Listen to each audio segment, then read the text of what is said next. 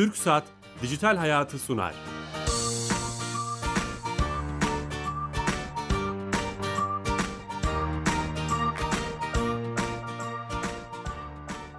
Herkese merhaba, ben Bilal Eren. Teknoloji, internet ve sosyal medyanın hayatımızı etkilediğini konu edindiğimiz Dijital Hayat programımıza hoş geldiniz. Her cuma TRT Radyo 1 mikrofonlarında saat 15.30'da önemli bir konuyu değerli bir konukla, konunun uzmanıyla konuşuyoruz. Bugün internette mahremiyet ve gizlilik konusunu konuşacağız. Değerli bir konuğum var, genç bir arkadaşımız ama çok uzman yaşına göre. Yazar, güvenlik araştırması Ziyahan Albeniz'le beraberiz. Ziyahan Bey hoş geldiniz. Hoş bulduk efendim. Ee, şeref verdiniz. Ee, İnternette gizlilik ve mahremiyeti konuşacağız. Ee, ne demek olduğunu, son yıllarda çok konuşuluyor bu konu. Onu konuşacağız ama öncesinde sponsorumuz TürkSat. TürkSat'a bağlanıyoruz. Ee, biliyorsunuz TürkSat Türkiye Gov.tr'yi işletiyor. Devletin tüm hizmetlerini dijital olarak cebimize, masamıza getiriyor. Orada teknik arkadaşımız Sami Yenice bize her hafta hayatımızı kolaylaştıran bir servisi anlatıyor. Sami Bey telefon hattında. Alo, hoş geldiniz yayınımıza. Hoş bulduk, sağ olun. Yeni hizmetlerimiz var, hemen duyuralım. Harika, çok ısrarla ve e, şeyle dinliyoruz heyecanla. Evet, e, geçtiğimiz günlerde açmış olduğumuz bir hizmet. E, icra dosyası sorgulama hizmeti. Adalet Bakanlığı ile yapılan çalışmalar neticesinde açılan bu hizmet ile e, mahkemelerde adınız açılmış veya taraf olduğunuz icra dosyalarını listeleyebiliyor ve detaylarını görüntüleyebiliyorsunuz. Tamam. E, bu hizmeti kullanabilmek için e-devlet kapısına bildiğiniz gibi şifre veya mobil imza, elektronik imza, online, ba online bankacılık yolu ile giriş yapmak yeterli. E, bu arada bilgisini vermek isterim. E-devlet kapısı kullanıcı sayısı 38 milyonu aştı. E, çok ee, hızlı arttı bu ara. Onu hissettim. Evet, 38 milyon kullanıcımıza 3286 adet hizmeti elektronik ortamdan sunuyoruz. 3286 hizmet oldu. Evet. evet. Müthiş. Yani 2018 yılı sanki e-devlet için bambaşka bir yıl oldu gibi. Öyle hissediyorum. Evet. Elektronik dönüşüm, e-devlet e, yılı diyebiliriz. Evet hizmetler çok hızlı arttı çünkü binlerdeydi. Birden e, yüz yüz onlar onlar artmaya başladı. Demek ki hem kurumlar size bu konuda e, şey sağladı, kolaylık sağlıyor değil mi? Hani gelin Kesinlikle. bizi de dönüştürün, gelin bizim bize de kapı olun demeye başladılar. Bu anlamda çok önemli görüyorum. Elinize sağlık. Çok teşekkür ederiz. Ben teşekkür ederim. İyi yayınlar Sağ olun. Tüm ekibe selamlar. Evet, TürkSat'a bağlandık. Siz bir güvenlik araştırması yazı olarak, yazar olarak, o konularda çalışan biri olarak Hı. Türkiye Gov.tr'yi mutlaka inceliyorsunuz, kullanıyorsunuz, gözlemliyorsunuz. Evet. Çok önemli diye düşünüyorum. Yeni açan dinleyicilerimizin tekrar edeceğim. Ziyahan Albeniz'le beraberiz. Kendisi biraz sonra daha detaylı tanıyacağız. İnternette gizlilik ve mahremiyeti konuşacağız. Evet. Son yıllarda acayip konuşuluyor bu konu. Evet, Güvenlik, mahremiyet, gizlilik. Evet. Bir şeyin güvenliği çok konuşuluyorsa, bir şeyi nasıl korurum bu konuşuluyorsa işleri iyi gitmiyor demektir diye düşünüyorum. Evet. Çünkü internet böyle çıkmadı. Özgürlük, demokrasi, daha insan, daha rahat olacağız, daha keyifli olacağız. Ee, duvarlar kalkacak, hı kilitler kalkacak, kapılar kalkacak ama sanki tam tersi oluyor gibi. Ne dersiniz? Ee, şimdi şöyle, tabii ki bizim varlıklarımız dijital hayata taşındıkça aslında güvenlik risklerinin farkında varmaya başlıyoruz. Burada biraz da tasarımda bir eksiğimiz var. Ee, aslında mühendislik yaklaşımında bir problem var. Çünkü genellikle biz e, ürün tasarlarken, hizmet tasarlarken daha çok fonksiyoneliteyi planlıyoruz. Şu butona basacak, e, şu ekran çıkacak, şu girdiği isteyecek, şu output üretecek gibi. Fakat bu senaryolar arasında bir saldırganın rolüne yer yok çoğunlukla. Dolayısıyla ürün ve hizmetleri tasarlarken daha baştan e, aslında hata yaptığımızı söyleyebiliriz. Bu, ee, bir, bir fotoğraf çektiniz evet. aslında. Yani dünyadaki internet tasarlanırken kesinlikle evet. E, e, bu işi ilk yapan kişiler evet, bunu düşünmedi. Kesinlikle, Ama kesinlikle. normal değil mi? İşte ben onu söylüyorum. Hani internet daha özgür, daha güvenlikli, daha az Hı. duvarın, daha az kilidin, Hı. daha az polisin tırnak içinde olacağı bir yer olarak düşünülmüştü belki. Hı. Hı. Hı. Şimdi oraya gitmedi gibi. Aslında yüzden... internetin ve dijital ortamın bize vaat ettiği şey en önemli şey hız aslında. Evet hız. Hızı yani bu nimetten faydalanarak e, elbette gündelik hayatta karşılaştığımız bütün riskler burada da olacak. Bütün tehlikeler burada da olacak. Örnek veriyorum biz zaten ateşle dahi haberleşiyorduk. Dumanla bile haberleşen bir e, türüz. insan türünden bahsediyorum. Evet. Ya da efendim mesela güvercinlerle dahi haberleşiyor. Evet. Aslında yaptığımız işin biçimi değiş daha doğrusu yaptığımız işin niteliği değişmiyor. Günün sonunda yine haberleşmiş oluruz fakat daha hızlı bir yolla haberleşmiş oluyoruz. Dolayısıyla e, vaat ettiği şeyin yanında mutlaka risklerde gündelik hayatta diğer yani normal şartlarda yaptığımız halde ne gibi risklerle karşılaşacaksak bunu dijitale taşıdığımızda da aynı risklerle karşılaşacağız. Bu yani artık gözümüzü bu şey açmamız lazım. Çok ilginç. Evet de- değişik bir bakış açısı. Bir arabayı tasarlarken bu araba çarpar, e, çalınabilir, Çalınabilir. yanabilir Evet, diye araba evet. üreticileri çeşitli Evet. önlemler alıyorlar. Mesela bir örnek verebilir miyim? Amazon'da okuduğum bir kullanıcı yorumdan söz edeceğim. Şimdi mesela şu çok büyük bir rahatlık gibi geliyor bize. Akıllı ev sistemleri değil mi? Ee, evinize girmeden önce kaloriferinizi açıyorsunuz. Belki duş almayı düşünüyorsunuz. Şofbeninizi belki işte ısısını ayarlıyorsunuz vesaire. Bunu uzaktan kontrol edebilmek ilk bakışta harika bir şey. gibi görünüyor. Harika gibi görünüyor. Evet. Peki şöyle bir riske ne dersiniz? Bu sisteme etkisiz erişim elde eden bir hasmınız. Siz duş alırken ısıyı bir anda yükseltse. Eyvah eyvah. Vay. Oldu bunlar oluyor. E, Amazon'da şöyle bir ürün yorumu var. E, bir eş e, yani ayrılan eşlerden birisi taraflardan birisi daha doğrusu eşinden bu şekilde intikam alıyor. Tabii o elektrik faturasını yükseltmek marifetiyle bunu yapıyor. Daha hani tırnak içinde masumane bir yolla yapıyor ama ciddi zarar verebilir. evet tabii ki tabii ki öldürebilirsiniz bile. Mesela kalp pillerini bakın e, Colin Powell mıydı, Dick Cheney miydi hatırlayamıyorum. Öyle bir haber okumuştum. Evet, e, Kalp kalp, pili kullanıyor biliyorsunuz. Evet. E, ne, ne konuşuluyor? Riski biliyorsunuz. Uzaktan suikast yapılabilir. Kalp pili durdurulur ya da herhangi bir yolla uzaktan kontrol e- edilebilirse eğer bu kişinin hayatına mal olabilir. Keza mesela bugün sürücüsüz otomobilleri konuşuyoruz. Evet. Yahut internete bağlanıp trafik durumunu kontrol eden fren sistemleri ya da diğer bir dizi aksamı e, remote olarak uzaktan kontrol edilebilen arabalardan konuşuyoruz. Dünyada bunun deneyleri de yapılıyor. Uzaktan frenleri kilitlense ne olur? Yahut e, başka bir dizi, bir dizi e, saldırı vektörü konuşuluyor. Bunlar aslında bizim ilk başta işin heyecanıyla konuşmadığımız fakat sonrasından vah vah bana vahlar bana dediğimiz meseleler aslında. Evet yani e, evet uz- gerçek hayatta düşündüğümüz riskleri Evet. çünkü yaşıyoruz, deneyimliyoruz. Yaşıyoruz, evet, İnternette yaşamadığımız için bugüne kadar tasarımını, Evet. geleceğini böyle yapmadık. Evet, evet, Şimdi evet. buraya mı gidiş var? Evet, heyecanla tasarlıyoruz bu şeyleri.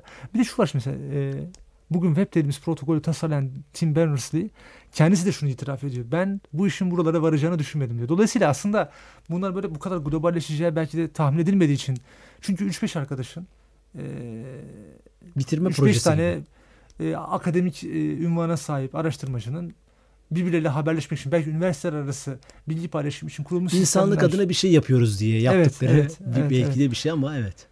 Dolayısıyla bunları da tartışmamız gerekiyor artık. Ee, artık gerçek dünyaya e, uyanmamız gerekiyor. Gözlerimizi açmamız gerekiyor. Harika bir başlangıç oldu bence konumuza, sohbetimize. Umarım.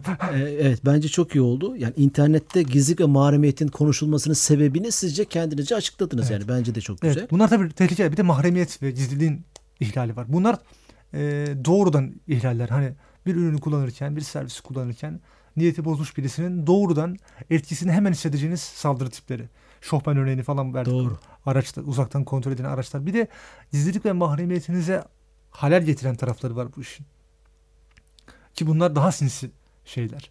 Üstelik e, bunların etkileri bireyseliyle aşıp toplumsal manipülasyonlara varabilecek düzeylere gelmesi. Cambridge Analytica'yı biliyorsunuz. Siz de Evet.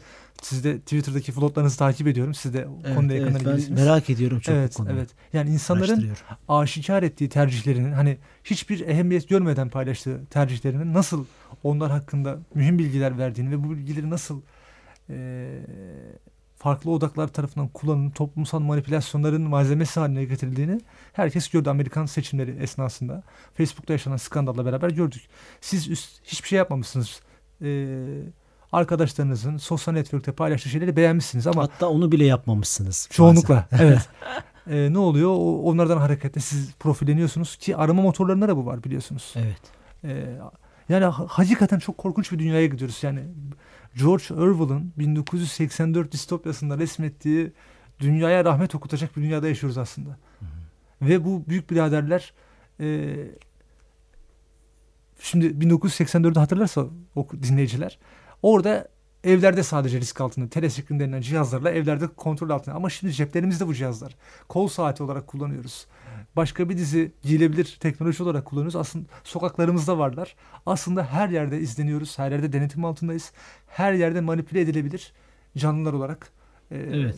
varız. Güzel sosyal başlangıçtan sonra çok umutsuz bir. Maalesef o evet bir ya, sonuç evet, maalesef. veya orta bölüm yaptık. Çok Hemen özür bunu diliyorum. bence e, e, evet çok doğru bu konular konuşuluyor. Tabii yapılacak şeyler var. Evet Evet. tabii ki. Biraz Bireysel, da- toplumsal devlet. Bence bireysel olarak yapılabileceklerimizi programımızda konuşalım. evet. Yani e, e, internette gizlilik ve mahremiyet kapsamında e, e, böyle başlıklar altında hem di- bizi dinleyen dinleyicilerimize e, evet tamam bu fotoğrafı çekiyoruz büyük Tabii. fotoğrafı ama yandık bittikten ziyade neler yapabiliyoruz? Eğer Tabii. Amişler gibi teknoloji reddeden bir topluluk olmuyorsak, Yok yok yapamıyorsak o, o da, o da mümkün değil. Geçtik orayı şu senin an. bir çözüm değil evet. e, acaba o zaman ne yapacağız? Ya iki türlü şey gözüküyor ya bana bir şey olmaz deyip e, ben kimim ki deyip yolumuza devam ediyor birçok vatandaş genç ya da evet bu konu çok ciddi ne yapabiliriz? Evet ben Peki- soruyorum ne yapabiliriz? Peki ilk öncelikle şu yanlış varsayımı nacizane görüşüm terk etmemiz lazım. O varsayım nedir? Ya da o yargı nedir? Benim gizleyecek bir şeyim yok. Bu- Buna katılmıyorum. Bunu bunu söyleyen varsa e, lütfen e, e-posta adresini hemen bize parol e-posta adresine parolasını yollasın. Bize göndersin. Değil mi? Bakın efendim. Şimdi ben size maaşınızı sorsam bile cevap verirken daha doğrusu soru geldiği anda tereddüt ediyorsunuz. İsminizi sorsam, çocuklarınızın adını sorsam. 24 Haziran pazar günü kime oy vereceksin? Değil mi mesela? Örne örnek veriyorum. Halbuki yani bunlar eee, sizin belki başkasının bilmesini istemeyeceğiniz şeyler. Yakın çevreniz dışında bilinmesini istemeyeceğiniz şeyler.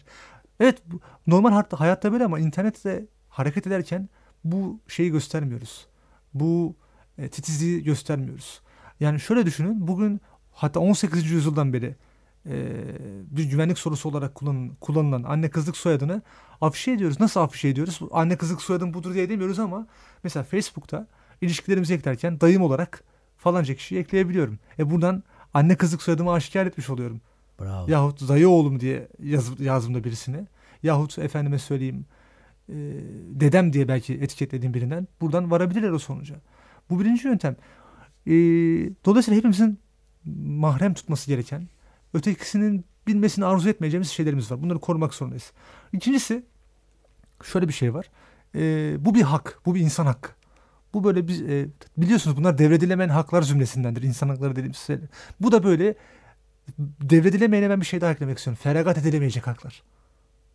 Gizlilik hakkınızdan feragat etmemelisiniz. Evet teorik olarak, teknik olarak edebilirsiniz ama etmemelisiniz. Etmek Nasıl devredilemezse- bile etmemeli. Evet. Nasıl devredilemez haklar diye anlıyorsak hukukta, bence feragat edilemez haklar olarak da e, internetteki gizlilik hakkını artık bunu böyle promote etmemiz lazım diye düşünüyorum. Çünkü bugün için söz konusu olmayan bir risk yarın karşınıza başka veçelerle çıkabilir. Bakın e, dünya ünlü hacker Kevin Mitnick'in e, bir kitabı var Aldatma Sanatı diye. O kitapta milyon dolarlık bir vurgunun hikayesi anlatılıyor. Bir e, sosyal mühendis saldırgan e, her bankanın her biriminden o birimin kendisince gereksiz gördüğü ufak bir bilgiyi alıp birleştirip bankayı soyuyor. Telefonla soyuyor üstelik. Mesela bir e, şeyi arayıp e, çağrı merkezi yetkilisini arayıp şunu soruyor. Diyor ki ya ben bir senaryo üzerinde çalışıyorum. E, senaryomun bir parçasında da bir banka var. Siz e, müşterileriniz sizi aradığında hangi soruyu sorarsınız? E, Örnek veriyorum diyor ki o da banka hesap numarasının son dört tanesini sorarım. Başka bir arayıp o bilgiyi alıyor. Başka bir arayıp e, o zi- zincirdeki başka bir bilgiyi alıyor. Her birim kendisince risksiz gördüğü bilgiyi veriyor ama bu bilgiler toplandığında kümülatif olarak o sistemin e, aleyhine olmuş oluyor. Dolayısıyla buna dikkat etmek gerekiyor. E, bir başka madde şu. Şimdi biz internetteki varlıklarımızı nasıl koruyoruz? En basit anlamda parolalarla koruyoruz değil mi efendim? Parolalar biz e, benim de e, sorumlu yazı işleri müdürü olduğum Arka Kapı dergisinde de attığımız başlıkta imparatorluğun anahtarı diyoruz parolalara. Çünkü siz mesela Facebook parolanızı kaybettiğiniz zaman Facebook parolanızı elde eden birisi siz Facebook'ta ne yapabiliyorsanız aynısını yapabiliyor. Doğru mu efendim? Doğru. Yani gönderip paylaşabiliyor, mesajlarınızı okuyabiliyor, sizin namınıza başkasına mesaj gönderebiliyor, ta, e, taciz edebilir, tahkir edebilir başkalarını sizin namınıza vesaire. Dolayısıyla parola bizim korumamız gereken bir dijital varlığımız. E peki bu kadar önemli bir şey bu ehemmiyeti veriyor muyuz? Hayır vermiyoruz. Bakınız e, geçenlerde yine Arka Kapı dergisinde bir şey yayınladık, araştırma yayınladık. Yaklaşık 1 milyar parola leak oldu yani sızdı. Bu da ne demek? Dünyadaki her 8 kişiden birinin parolası sızdı demek. Bakıyoruz en çok kullanılan parolalara. Birinci sırada 1, 2, 3, 4, 5, 6 parolasını görüyoruz. Efendim. 1, 2, 3, 4, 5 değil mi? 5, 6. Ya bu son kullanıcı için e, evet tabii ki dramatik ama daha da dramatik var mesela. Yazımızda da yazdık. Facebook'un CEO'su Mark Zuckerberg bile biliyorsunuz da da da diye yaklaşık 25 saniyede kırılabilecek bir parola kullanmış. Ve daha da kötüsü, şimdi bu birinci aşama güvensiz parola kullanmak. Daha bir, bir, bunun bir başka kötü veçesi de şu. Birçok farklı platformda aynı parolayı kullanmamız. Şimdi bunun riski nedir? Adamın 5 tane mecrası var diye. Evet. Evet. Beşinde de aynısını evet, kullanıyor. Evet. Bunun sor, buradaki e, sıkıntı nedir efendim? Buradaki sıkıntı da şudur. Mesela Mark Zuckerberg'in hem Twitter hesabı hem e, LinkedIn hesabı bu yolla hacklendi. Çünkü e, umarım doğru hatırlıyorumdur. Hani şeyleri sosyal platformlarda. Doğru. E, neden? Çünkü bu platformlarda da aynı parolayı kullanmış. Peki burada ne yapmamız gerekiyor? Birincisi e, her platformda farklı parola kullanmak. İkincisi bizim iki aşamalı doğrulama dediğimiz bir sistem var. Two Factor Authentication diye de geçer. Ee, mesela ne yapıyorsunuz? Twitter'a girerken kullanıcı adı ve parolanızı girdikten sonra bir SMS mesajına gelen parolayla ikinci bir doğrulama yapıyorsunuz ya da başka bir Bank, yapıyorsunuz. e, internet Bankacılıkta bankacılığında kullandığımız gibi. sistem. Evet efendim orada de, defakto olarak Burada artık kullanılıyor. şeylerimize, dinleyicilerimize söyleyelim. evet, Bu mutlaka hizmetleri veriyor mutlaka. peki bu şeyler? Tabii Mesela ki tabii ki tabii ki ama Twitter, Facebook hepsinde var veriyor efendim. Hepsinde yani bugün sosyal medyanın Muhteşem. söz konusu olduğu bütün sistemlerde çift aşamalı do- doğrulama söz konusu. Tabii ki default olarak aktif değil. Bizim aktifleştirmemiz gerekiyor Ama ayarlardan. SMS de gelsin. evet kutucuğunu SMS'te gelsin. İşaretlememiz gerekiyor. Yahut OTP cihazı kullanabilirler. Ee, Google'ın Authenticator yazılımı var. Bir dizi böyle yazılım var. Onları kullanabilirler ama çift aşamalı doğrulamayı kullansın. Bakın birçok insan bu sebeple şeyden döndü. Direkten döndü. Nasıl biliyor musunuz? Şimdi LinkedIn mesela pardon Yahoo LinkedIn hacklendi. 20 milyon tane Yahoo account'unun parolası ve kullanıcı adı leak oldu. Mesela bilaleren.yahoo.com'da burada leak oldu diyelim. Şimdi ben parolanızı oradan alıyorum. Eğer siz Yahoo'da kullandığınız parolanın aynısını Twitter'da da kullanıyorsanız hop login oldum. Ama şöyle düşünün. Bir şekilde kulağınıza bir- biri bir yerden çaldığı için Twitter'da iki aşamalı doğrulamayı etkinleştirdiniz. Ne olacak? Bakın oradaki o ekstra katmanı geçemeyeceğim.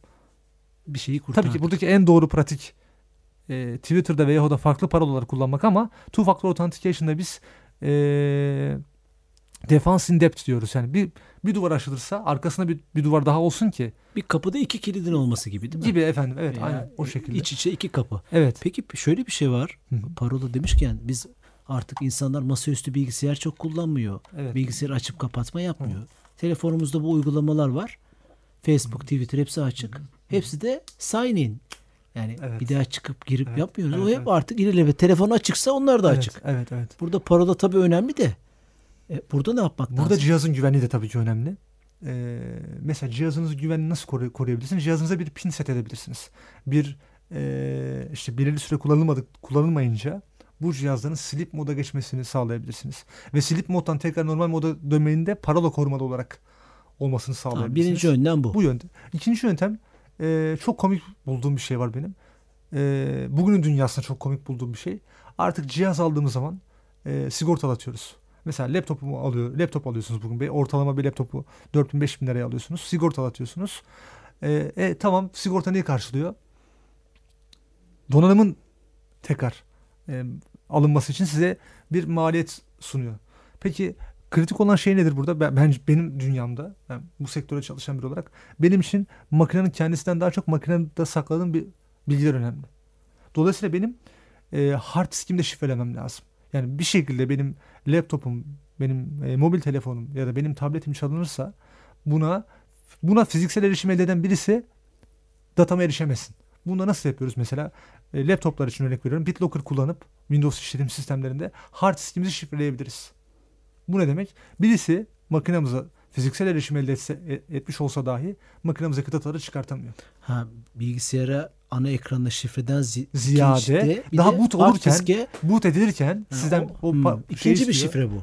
Aslında bu ana şifre. Ana şifre. Yani bunu kurduğunuz anda Windows'un şifresi Yok, ikinci. Telefonda mesela pini girdim Hı hı. veya masaüstü bilgisayarda login Evet. oldum. Evet. O ikinci bir şifre daha geliyor. Yok, İkinci bir ekran bu, daha mı? bu açıldığı zaman söz konusu oluyor. Açıldığı zaman. Yani mesela telefonunuzda da yapabiliyorsunuz bunu.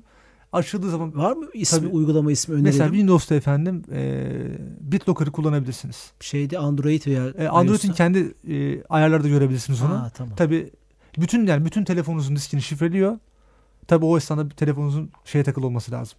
Önerilen pratiklerden bir tanesi o.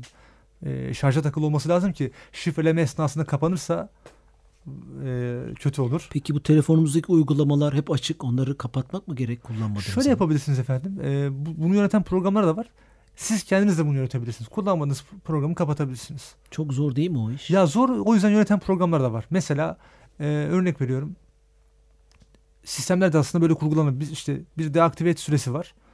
Bankacılık sistemlerinde nasıl karşılaşıyoruz? 5 dakika boyunca bir işlem yapmazsanız Kendi kendisini kapanıyor. kapatıyor. Evet. Bunu ayarlayabilirsiniz. E, bu tarz yöntemlere başvurabilirsiniz. Telefonu mu kapatıyor uygulamaları mı? Yo yo oturumunuzu kapatıyor. Oturumu uygulama kapatıyor. oturumuzu kapatıyor. Evet evet. Şimdi bu Telefonda da işte ne yapıyor? Ekran koru- e, sleep moda geçiyor. Efendim? e, hem Gmail'de hem Facebook'ta e, şunu gördük. Son günlerde çıkan haberler işte son bir senede. E, Facebook'unuz veya Gmail'iniz açıksa telefonunuz veya masa üstünde hı. kendisi ilgilendirmeyen şeyleri de e, topladığını görmüş olduk. Yani Hı hı. operatör bilgisinden Maalesef. o Wi-Fi Maalesef. bilgisine, Maalesef. telefon konuşmalarınızdan SMS'ine. Şimdi. Facebook'unuz açıksa arka tarafta bunu yaptığını Facebook Kendisi etti. paylaştı. Evet. Kendisi paylaştı senatoya. O da şöyle oldu. Gmail My Activity diye bir servisi her şeyi topluyormuş. Onları Maalesef. kapatmak gerekiyormuş falan. Yani Gmail'in şöyle yalnız. e, o yüzden bu kapatma olayını sordum. Google evet. Öyle bir uygulama varsa marketlerde kullanmadığın zaman 3 dakikada kapansın kendi. Peki kullanmak istediğimizde kendi mi gene şifre soracaktır Tabii, bize? tabii parola soracak. Parola Evet. Soracak. Ya şöyle de yapabilirsiniz. Bununla ilgili kılavuzlar yayınlanıyor mesela. Şimdi siz başka bir boyutuna değindiğiniz için. Servisleri peki nasıl kullanmak lazım? Mesela Google servisini kullanırken ben mesela arama sonuçlarımın kaydedilmesini arzu etmiyorum. YouTube'da vid- izlediğim videoların bir history şeklinde kaydedilmesini arzu etmiyorsam eğer bunu kapatabiliyorum. Activity'den kapatabiliyorsunuz bunu. Tabii bunları bu konuda en iyi yayını DuckDuckGo diye bir arama motoru var efendim. Onların Split Privacy diye bir servisleri var. Bu şekilde işte e, iPhone telefonunuzu nasıl ideal kullanırsınız? Android cihazınızı nasıl ideal kullanırsınız? Windows 10 için gizlilik rehberi, işte Mac OS için gizlilik rehberi gibi böyle çok güzel e, ne denir onlara? Kılavuzlar yayınlıyorlar. Zor ama bu kılavuzları adım adım uygulamak. Yani Çok basit hocam ya. teknik bilgileri Hiç hiç gerek, hiç Gerek gerek yok mu? Yok, gayet böyle illustrate etmişler. Resimlerle şeylerle çok rahat kullanılabilir. yani DuckDuckGo. bu, bu söylediklerinizden şunu anlıyorum o zaman. Gerçek hayatta biz güvenliğe nasıl önem veriyorsak, Hı. arabamıza sigorta kasko yaptırıyorsak, Hı. evimizde paramız varsa siteli evde oturmak istiyorsak, Evet. kapımıza 5 tane kilit yap koyuyorsak değil mi? Yangın alarmı, kameralar. Dijital hayatta da bu dediklerinizi o, o broşürleri okumamız gerekecek. Kesinlikle Bunları efendim. yapmamız yani gerekecek. Evet ya hiç biz mesela bizim internete hayatta kalmak diye bir eğitim serimiz var. Bunu böyle kamu kuruluşlarında, özel kuruluşlarda vermeye çalışıyoruz. Parola bilgisi bunlardan bir tanesi. Yani parola konusundaki bu Ne önerilerimiz. güzelmiş ismi. İnternette hayatta kalmak. Evet efendim. Nasıl almak isterlerse insanlar. Ee, şunu yapabilirler. Biz bu eğitimi e, bilabedel bir sosyal sorumluluk olarak e, gerçekleştiriyoruz. Tamam hemen hemen Ee, ne bunu. yapabilirler? Benim e-posta adresim ziyahan.netsparker.com Buraya, buraya mail atıp arzu ederlerse tabii ki mekan tahsis etmeleri lazım eğitim için. Bu kimlere özel bu eğitim? Efendim bu eğitimin e, ortalama bir internet kullanıcısına hitap ediyor. Yani illa şu düzeyde bu düzeyde olması da internet kullanan herkese hitap ediyor. Hayır hayır. Ben bu eğitimi talep edebilir miyim bireysel olarak size? Bireysel değil yani tabii ki şey olarak e, Bir STK mı olmamız lazım? STK okul mu olabilir, olmamız şirket lazım? olabilirsiniz, okul olabilirsiniz tabii. Tabii gönül ister ki e, Süper. Buradan duyuralım. Hı hı. Ee, konuğumuz araştırmacı yazar, güvenlik araştırmacısı Ziyahan Albeniz ve arkadaşları mı diyelim? Evet efendim. Birkaç arkadaşıyla beraber internette hayatta kalmak Evet, isimli Survive on the bir Web. e, eğitim In programı başlatmışlar ve bilabedel. Bu Evet. eğitim programı ile ilgili talepleri Ziyahan Albeniz'in Twitter adresinden artı adre Ziyahan adresinden at netsparker.com adresinden. gönderebiliriz Evet, bu e-mailden ve talep edebilirmişiz. Harika. Ee, Evet, internette hayatta kalma rehberi.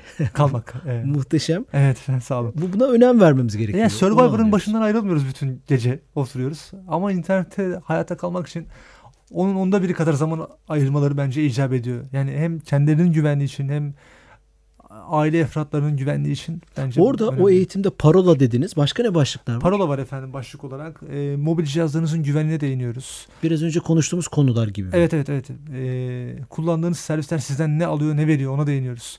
Kullanıcı sözleşmeleri çok önemli bir başlık. Ne Hepimiz demek o? Kullanıcı sözleşmeleri efendim? Evet. Mesela siz WhatsApp kullanıyorsunuz. Ee, WhatsApp'ı ya da e, Google servislerini kullanıyor, Twitter'ı kullanıyorsunuz. Bu servisleri kullanırken bir sözleşme onaylıyorsunuz. Açarken Ne hesabı. var bu sö- sözleşmelerde Bi- biliyor muyuz? Bilmiyoruz. Bilmiyoruz. Mesela bizim bu konuda avukat yine ekibimizin avukat arkadaşımız var. Mehmet Pehlivan. Onun bu konuda bir araştırması var. Bir sözleşmede şunun, şunun olduğundan bahsediyor. Bu sözleşmeyi onaylamakla beraber doğacak ikinci çocuğunuzu firmaya verdiğinizi vereceğinizi taahhüt ediyorsunuz. Ya da sevdiğiniz evcil hayvanı düşünebiliyor musunuz? Bu maddeyi onaylıyorsunuz. Yahut Zaten onaylamadan geçemiyoruz ki. ama işte ok- sadece onaylamamışız. Okumadan onaylamışız. Bir de böyle bir Oka, gerçeklik var. e, Mesela bir firma şunu yapıyor. Ee, zannediyorum 25. maddeydi. Bu maddeyi okuyup gelen kullanıcıya 5000 dolar para ödülü vereceğim diyor ve sadece bir kişi gidiyor. Öyle mi? Böyle Ha, güzel. Sosyal deneyler de var. Evet. Evet, evet, sosyal bir deney. evet. Ha, şeyi söyle, söylemeniz güzel. Onaylamadan geçemiyorsunuz ama bir de okumadan Okumak onaylamamak var. Ee, Bu şu- da insanlık. Başka ne var? Kullanıcı sözleşmesi, Ee, mobil cihazlar ve e, parola. parola Muhteşem efendim. başlıklar bu. Güzel başlıklar. Teşekkür yani ederiz. pratik ve hepimizin hani Evet. bilmesi gereken e, e, başlıklar süper olmuş. Hı. Bir de e, bu eğitimin yanında ben bir şey fark ediyorum. Buyurunuz. Program öncesinde konuştuk. Bir de dergi çıkarıyorsunuz. Arka kapı Bu dergiden de biraz bahsedelim mi? Evet efendim. Arka kapı Türkiye'nin ilk basılı hacker dergisi. Ee, Hacker dergisi. Hacker dergisi Süper. evet efendim. Ee, bu şeyden çok memnunuz. Ee, öncelikle medya bize bunu yakıştırdı. Biz de bunu bir onur payesi olarak değerlendiriyoruz hacker kelimesini. Hacker zihinlerimizi yanlış kodlamış bir kelime maalesef. Hackerlar meraklı kimseler. İnterneti bugün özgür kılan kimseler ve bugünkü internetin güvenli olmasını sağlayan kimseler hackerlar. Ee, bu dergide neye değiniyoruz? Gizlilik, güvenlik başlıkları. E, Bu konuştuğumuz konular yani. Konular her Peki, sayıda yeni bir başlık. Profesyonellere ait mi yoksa Hayır, herkes herkes alabilir. oku- okuyabilir? Evet. O dili yani Dili gayet şey Ha, tutmaya sade, çalışıyoruz. süper. Evet hocam. çok önemli. Nasıl Evet. ulaşabilirler? Nasıl ulaşabilir? Kitap yurdundan, idefix'ten, Diyanar'dan, abakuskitap.com'dan satılıyor bu. satılıyor ya da fiziksel mağazalardan Diyanar'ın alabilirler efendim. Hem dijital olarak var hem, Hem de basılı, Basılı olarak, var. Evet, efendim. Türkiye'nin ilk fiziksel hacker dergisi. evet Basılı arkakapıdergi.com arkakapıdergi.com. Ziya Evet Han efendim. Alveniz de bunun genel yayın yönetmeni mi? Sorumlu yazı işleri müdürüyüm. Süper. Baş editörüyüm efendim. Harika. Çok teşekkür Biz ediyoruz. teşekkür ederiz efendim. Şeref verdiniz. Vakit nasıl geçti anlamadım gerçekten. Bizim programımız öyle oluyor genelde. Keyifli oluyor. Hem büyük bir kaosun içinde keyif diyelim. Evet umarım Ee, anlatabilmişizdir. konu bilgi şeyi konuşmuş olduk, e, dergiyi konuşmuş olduk, eğitimlerinizi konuşmuş olduk Hı hı. ve daha da önemlisi internette gizlilik ve mahremiyeti konuştuk. Haftaya yeni konu ve konuklarla beraber olacağız. İyi hafta sonları. Hoşçakalın. Çok sağ olun efendim.